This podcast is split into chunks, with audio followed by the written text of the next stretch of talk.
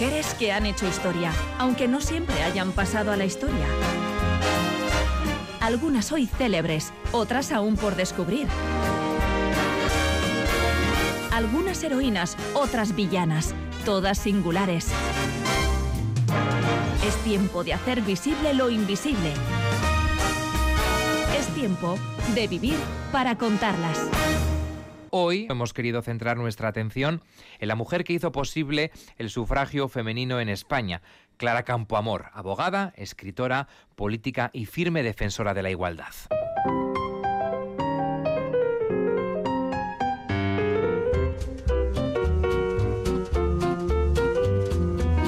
Porque gracias a su valentía e innegociable compromiso, el derecho al voto de las mujeres quedó recogido en la Constitución Republicana de 1931 y fue ejercido por primera vez en las elecciones de 1933. Edurne Vaz, ¿qué tal? Hola. Hola, muy bien. Bueno, vamos a centrarnos en una mujer importantísima y que dejó impronta en muchas cuestiones que hoy estamos recogiendo sus frutos. Totalmente. Hoy en Vivir para contarlas repasamos la vida y el injustamente olvidado legado de la Atena trabajadora, independiente e insobornable Clara Campoamor, que defendió con ahínco la igualdad jurídica, política y social de las mujeres. Fue la primera mujer sufragista en todo el mundo que defendió desde la tribuna de un parlamento el derecho al voto de las mujeres. Pagó por ello un alto precio político y personal.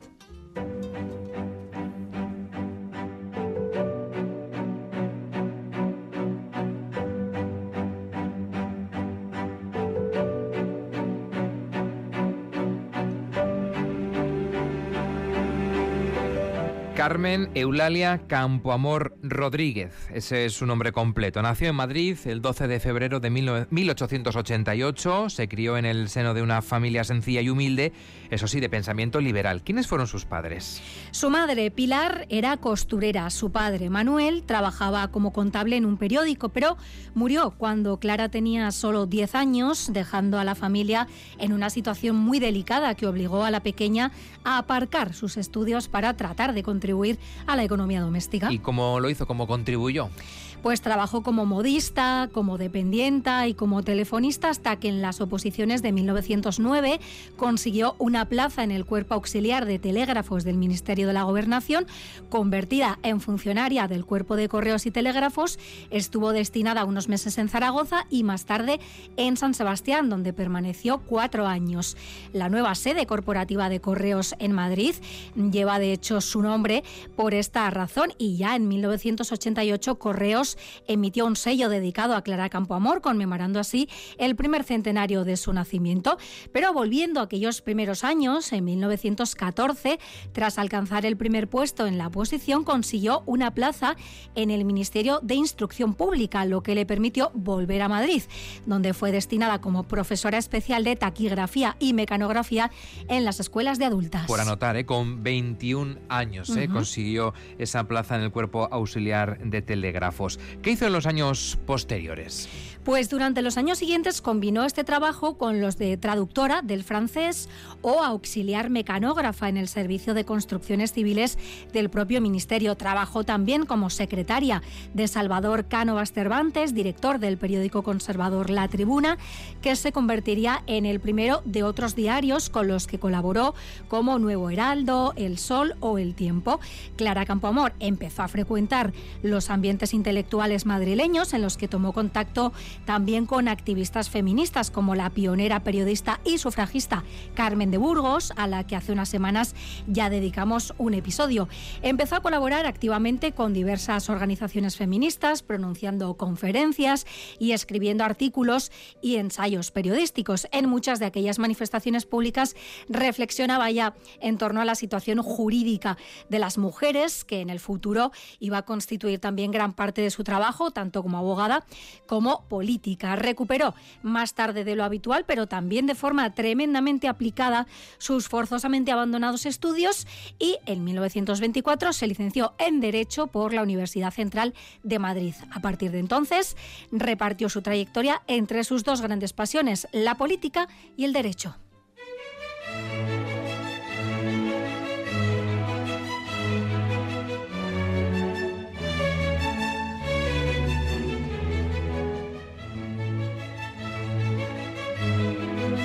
Clara Campoamor, tras finalizar esos estudios, abrió su propio bufete y se convirtió en una de las pocas abogadas españolas de la época. Uno de los casos que llevaría fue la defensa de su propio hermano Ignacio, acusado en San Sebastián de la rebelión republicana de diciembre de 1930. Sí, porque ya en 1925 se había convertido en la segunda mujer en incorporarse al Colegio de Abogados de Madrid, un mes después de que lo hiciera la pionera Victoria Kent, con la que volvería a coincidir, ¿no? Y estamos hablando de Clara Campoamor, que fue eh, la primera en muchos ámbitos. Sí, fue una absoluta pionera, fue la primera abogada en defender un caso ante el Tribunal Supremo, la primera en ocupar la Junta Directiva del Ateneo de Madrid, la primera mujer en hablar en el Congreso cuando accedió a su escaño en las elecciones de 1931 y la primera española en pronunciarse ante la Sociedad de Naciones antecedente de la actual ONU. Como veremos, Clara Campoamor defendió siempre como abogada y como política la igualdad de derechos y la total libertad política, sin condiciones ni medias tintas. Fue una mujer de firmes y coherentes principios que no estuvo dispuesta nunca a vender, a alquilar o aplazar.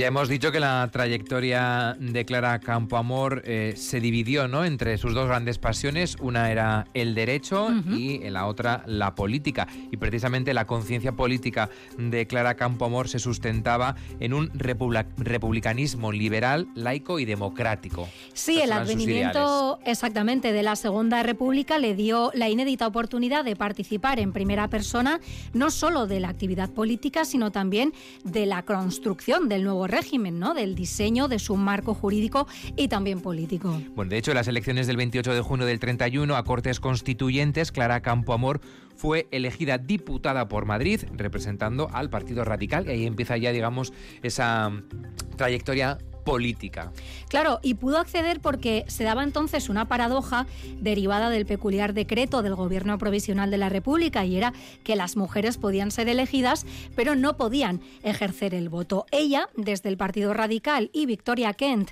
desde las filas del Partido Radical Socialista, fueron las primeras mujeres en obtener un escaño en el primer Parlamento republicano. Y Clara Campomor tenía muy claro que no iban a limitarse a ser meras convidadas de piedra. De hecho, como adelantábamos, ella formó parte de la comisión redactora de la nueva Constitución que estuvo integrada por 21 diputados. En ella, además del derecho al voto de las mujeres, defendió otros asuntos por los que también venía luchando como abogada, por ejemplo, la regulación del divorcio o de la situación jurídica de los hijos ilegítimos, de los niños y niñas nacidos fuera del matrimonio.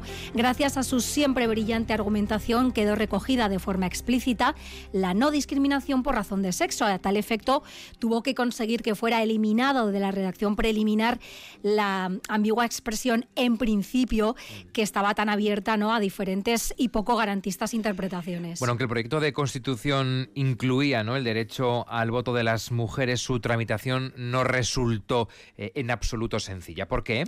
No era por falta de apoyo en lo ideológico, sino por mero tacticismo. La izquierda, con la excepción de un grupo de socialistas y algunos republicanos, consideraba que el derecho al voto de las mujeres debía aplazarse. Argumentaban que era demasiado prematuro, que las mujeres todavía no estaban preparadas para votar y que esos votos, previsiblemente retrógrados por estar influenciados por maridos, padres o confesores, podían herir de muerte a la todavía joven y frágil república. La propia Victoria Kent que era feminista convencida, compartía, sin embargo, también ese temor. El debate clave y a la postre histórico tuvo lugar el 1 de octubre de 1931.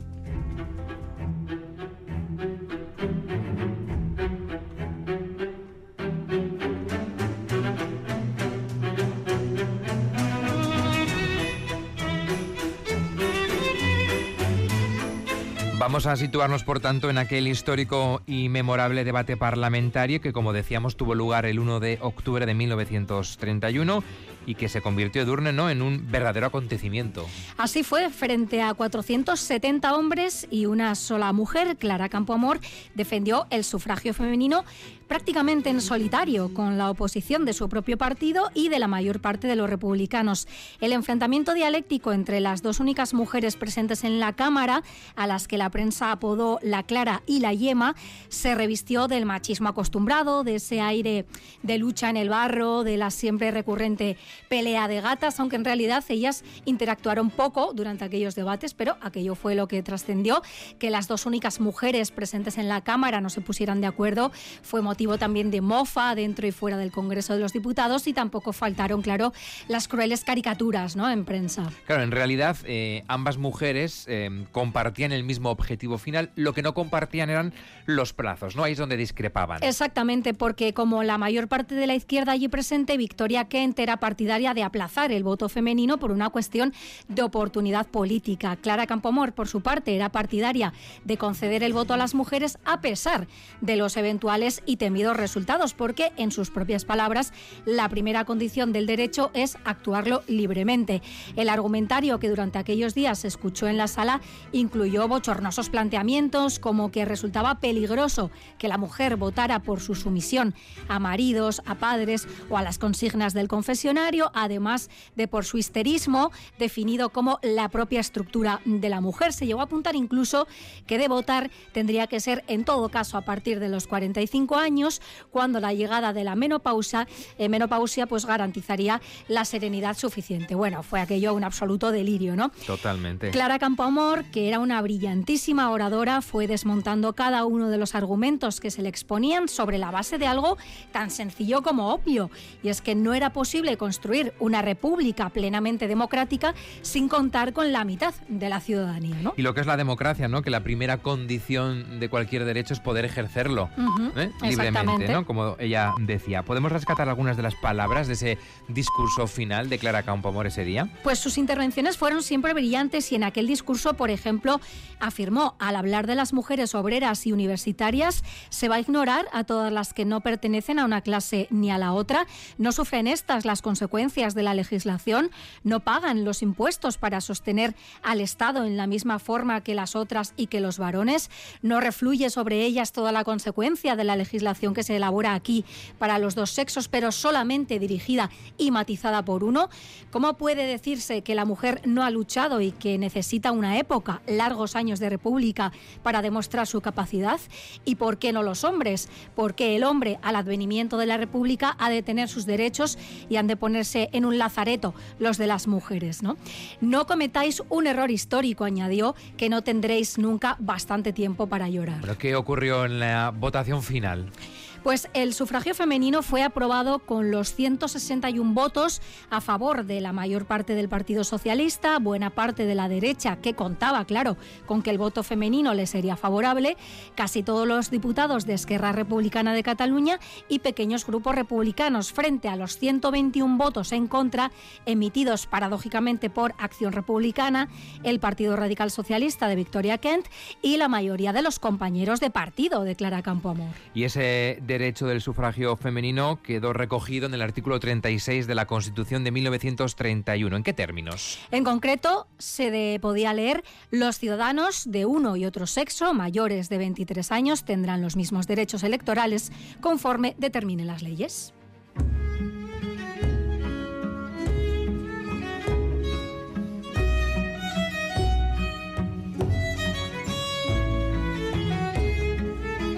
Esta historia de Clara Campoamor y de su lucha por eh, conseguir el sufragio femenino, de conquistar ese derecho, cabe recordar que hubo un segundo intento de aplazar el voto femenino, una disposición adicional que trató de aprovechar la ausencia de los partidos de derechas en la votación. Pese a ello, también este segundo intento fue desestimado. Sí, y se pregunta a Clara Campoamor al respecto en su libro El voto femenino y yo, mi pecado mortal. ¿Para cuándo guardaba el Partido Radical su ideal y bandera? Hay entidades a quienes, como ocurre a los avaros, les adviene la muerte sin haber lucido su mejor traje. Ese libro está lleno de frases maravillosas. Pese a la decepción que la postura de su partido había supuesto para ella, obviamente ella siguió trabajando como diputada con su característica perseverancia y coherencia. Estuvo muy implicada en la elaboración de la ley del divorcio de 1932 y ese mismo año defendió en el Congreso la abolición de la prostitución como una forma de garantizar la igualdad entre hombres y mujeres. Argumentó en la Cámara las casas de prostitución reglamentadas, autorizadas por el Estado, percibiendo directa o indirectamente de ellas tributos el Estado, de una corrupción, de un vicio. Son los centros de contratación de la trata de blancas en donde se pueden albergar fácilmente todas las mujeres que un vividor, delincuente de oficio, traspasa de ciudad en ciudad y lleva de mercado en mercado. Recordó asimismo que España estaba representada en la Sociedad de Naciones de Ginebra, donde existía una comisión de protección de la mujer y contra la trata y de igual modo impulsó la regulación del trabajo de las mujeres y los niños o también las investigaciones sobre la paternidad de los hijos ilegítimos, entre otras iniciativas. Bueno, por desgracia, ni ella, ni Clara Campoamor, ni Victoria Kent consiguieron renovar sus escaños en las elecciones de 1933, aunque después de formar gobierno, Alejandro Larrux le ofreció a Clara Campoamor un puesto, ¿no? El de directora general de Beneficencia y Asistencia Social. Un puesto que aceptó y que desempeñó hasta octubre de 1934 porque en ese momento, para su contrariedad, el Partido Radical pactó con la católica y ultraconservadora CEDA, la Confederación Española de Derechas Autónomas, y esto pues iba contra sus principios, ¿no? Ya hemos dicho que era una mujer muy coherente. A esto se sumó también la dura represión de la insurrección obrera en Asturias, ya fue demasiado para ella. Todo esto que va ocurriendo em, acaba decepcionando a Clara Campoamor y decide abandonar el partido, aunque no la política. ¿Qué hizo entonces? Bueno, pues buscó otro partido desde el que seguir trabajando, solicitó su ingreso en Izquierda Republicana, pero le fue denegado.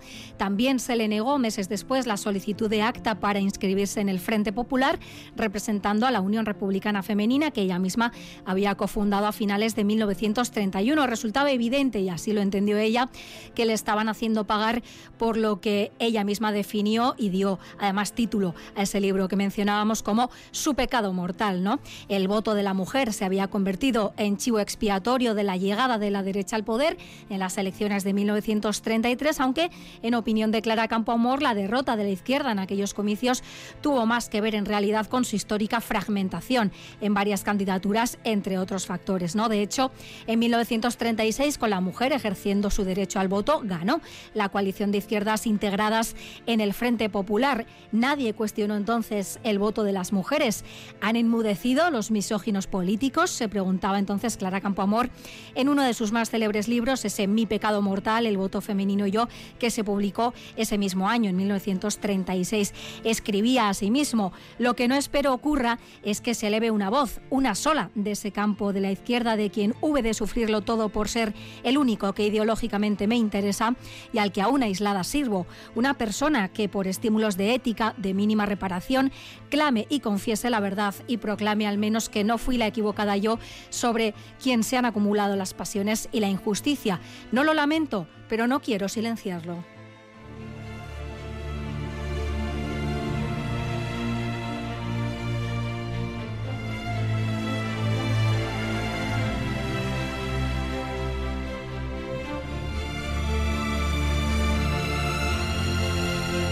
Todo esto es lo que vivió Clara Campoamor, recordamos en la Segunda República, pero al estallar la Guerra Civil Española, la situación absolutamente cambia, cambia radicalmente y Clara Campoamor se vio forzada, como otros tantos y otras tantas, ¿no? a exiliarse para protegerse de su vida, básicamente. Exactamente. Tras una breve estancia en Lausana, se instaló en París, donde publicó otro de sus más célebres libros, La Revolución Española vista por una republicana, en el que describe los primeros días de la guerra y analiza de forma crítica la política seguida por los sucesivos gobiernos republicanos que, a su entender, obstaculizaron, timoratos en sus reformas, pues la mejor oportunidad que había tenido el país.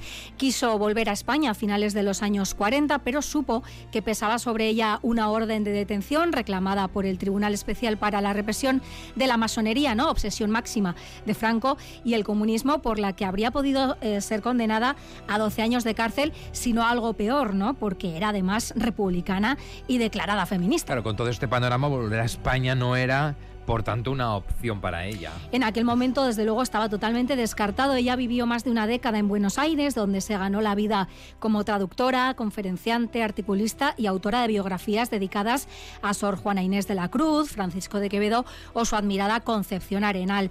Entre 1943 y 1945 publicó una treintena de textos de divulgación cultural en la revista femenina Chabela, en los que recuperó y compartió con sus lectoras y lectores pues su pasión por la literatura. ¿no?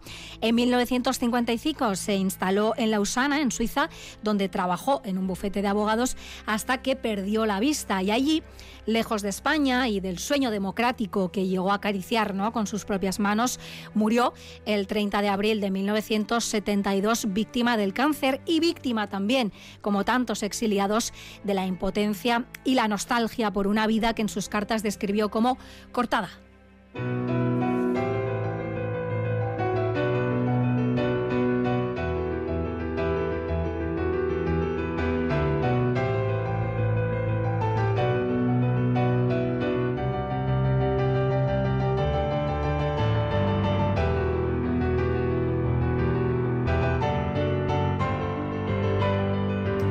En Vivir para contarlas, hoy estamos hablando de Clara Campoamor, como decíamos, la primera mujer sufragista en todo el mundo que defendió desde la tribuna de un parlamento el derecho al voto de las mujeres. A pesar de defenderlo, tuvo un coste político y personal importante para ella. Bueno, los restos de Clara Campoamor descansan por expreso deseo en el cementerio de Polloe, en San Sebastián, ciudad, por cierto, en la que tan buenos momentos pasó. Sí, desde su forzoso exilio pudo asistir con dolor al retraso que el franquismo suponía para la sociedad española. En una carta fechada en enero de 1959 afirmaba, por ejemplo, no hay otro país como el nuestro para el paso atrás y la vuelta al medievo. No hace falta decir que el régimen franquista se empleó a fondo para borrar su legado y no se puede decir tampoco que la restaurada democracia posterior se diera demasiada prisa en recuperarlo. Fueron con el tiempo llegando los homenajes, los reconocimientos, los centros educativos, centros culturales, asociaciones de mujeres, parques o calles con su nombre, las piezas escultóricas en su honor o los premios que con su nombre reconocen y reivindican la labor de las mujeres en la vida política o en la defensa de la igualdad. Clara Campoamor, la primera mujer sufragista, como decía, en todo el mundo, que defendió desde la tribuna de un parlamento el derecho al voto de las mujeres, mantuvo siempre firmes sus principios, incluso cuando ello le exigió ir a contracorriente, radicalmente independiente, asumió que, como decía su admirada Concepción Arenal, ponerse a bien con la verdad exige en no pocas ocasiones ponerse a mal con unos y con otros. Todo lo que incluyó la Constitución de 1978 estaba ya contemplado en la de 1931, en cuya comisión de redacción participó Clara Campoamor, así que como ella misma dejó escrito, yo sabía que el tiempo justificaría todas mis tesis.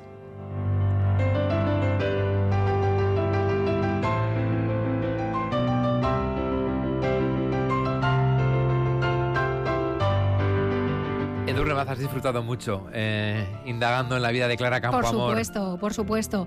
Es una figura increíblemente importante, injustamente olvidada e invisibilizada durante mucho tiempo, bueno, pues como tantas otras, ¿no? Pero su labor fue fundamental, es que no solo defendió en solitario, como hemos visto, el sufragio femenino, sino que defendió la democracia plena, o sea, que es de base, ¿no? Que todas las personas tengan derecho a votar era así de sencillo. Hace una semana exactamente, en nuestra clase magistral de historia, hablando del 90 aniversario de la aprobación de la primera ley del divorcio, ya nos contaba nuestro Iracasle Yagoba Álvarez eh, la importancia ¿no? de, de, Clara Campomor en ese debate ¿no? que eh, bueno, se suscitó eh, tras la proclamación de la Segunda República. ¿no? La importancia de su defensa de la ley del, del divorcio. ¿no? Y la importancia de los principios en política, ¿no? porque sabemos que con frecuencia la oportunidad política y el tacticismo suelen suelen ser prioridad y hay, bueno, pues ejemplos ¿no? de personas que ejercen la política desde la defensa de los principios, aunque eso les cueste, como fue su caso, el cargo, ¿no? Sí, para nosotras, para nosotros, eh, vir para contarlas es celebrar todos los días el 8 de marzo y reivindicar a estas mujeres eh, que no sé si en muchas ocasiones la historia les dio su lugar, pero nosotros dentro de lo que podemos les estamos dando su espacio. Edu Nuevaces, que ricasco. Es orgatic. Agur. Agur.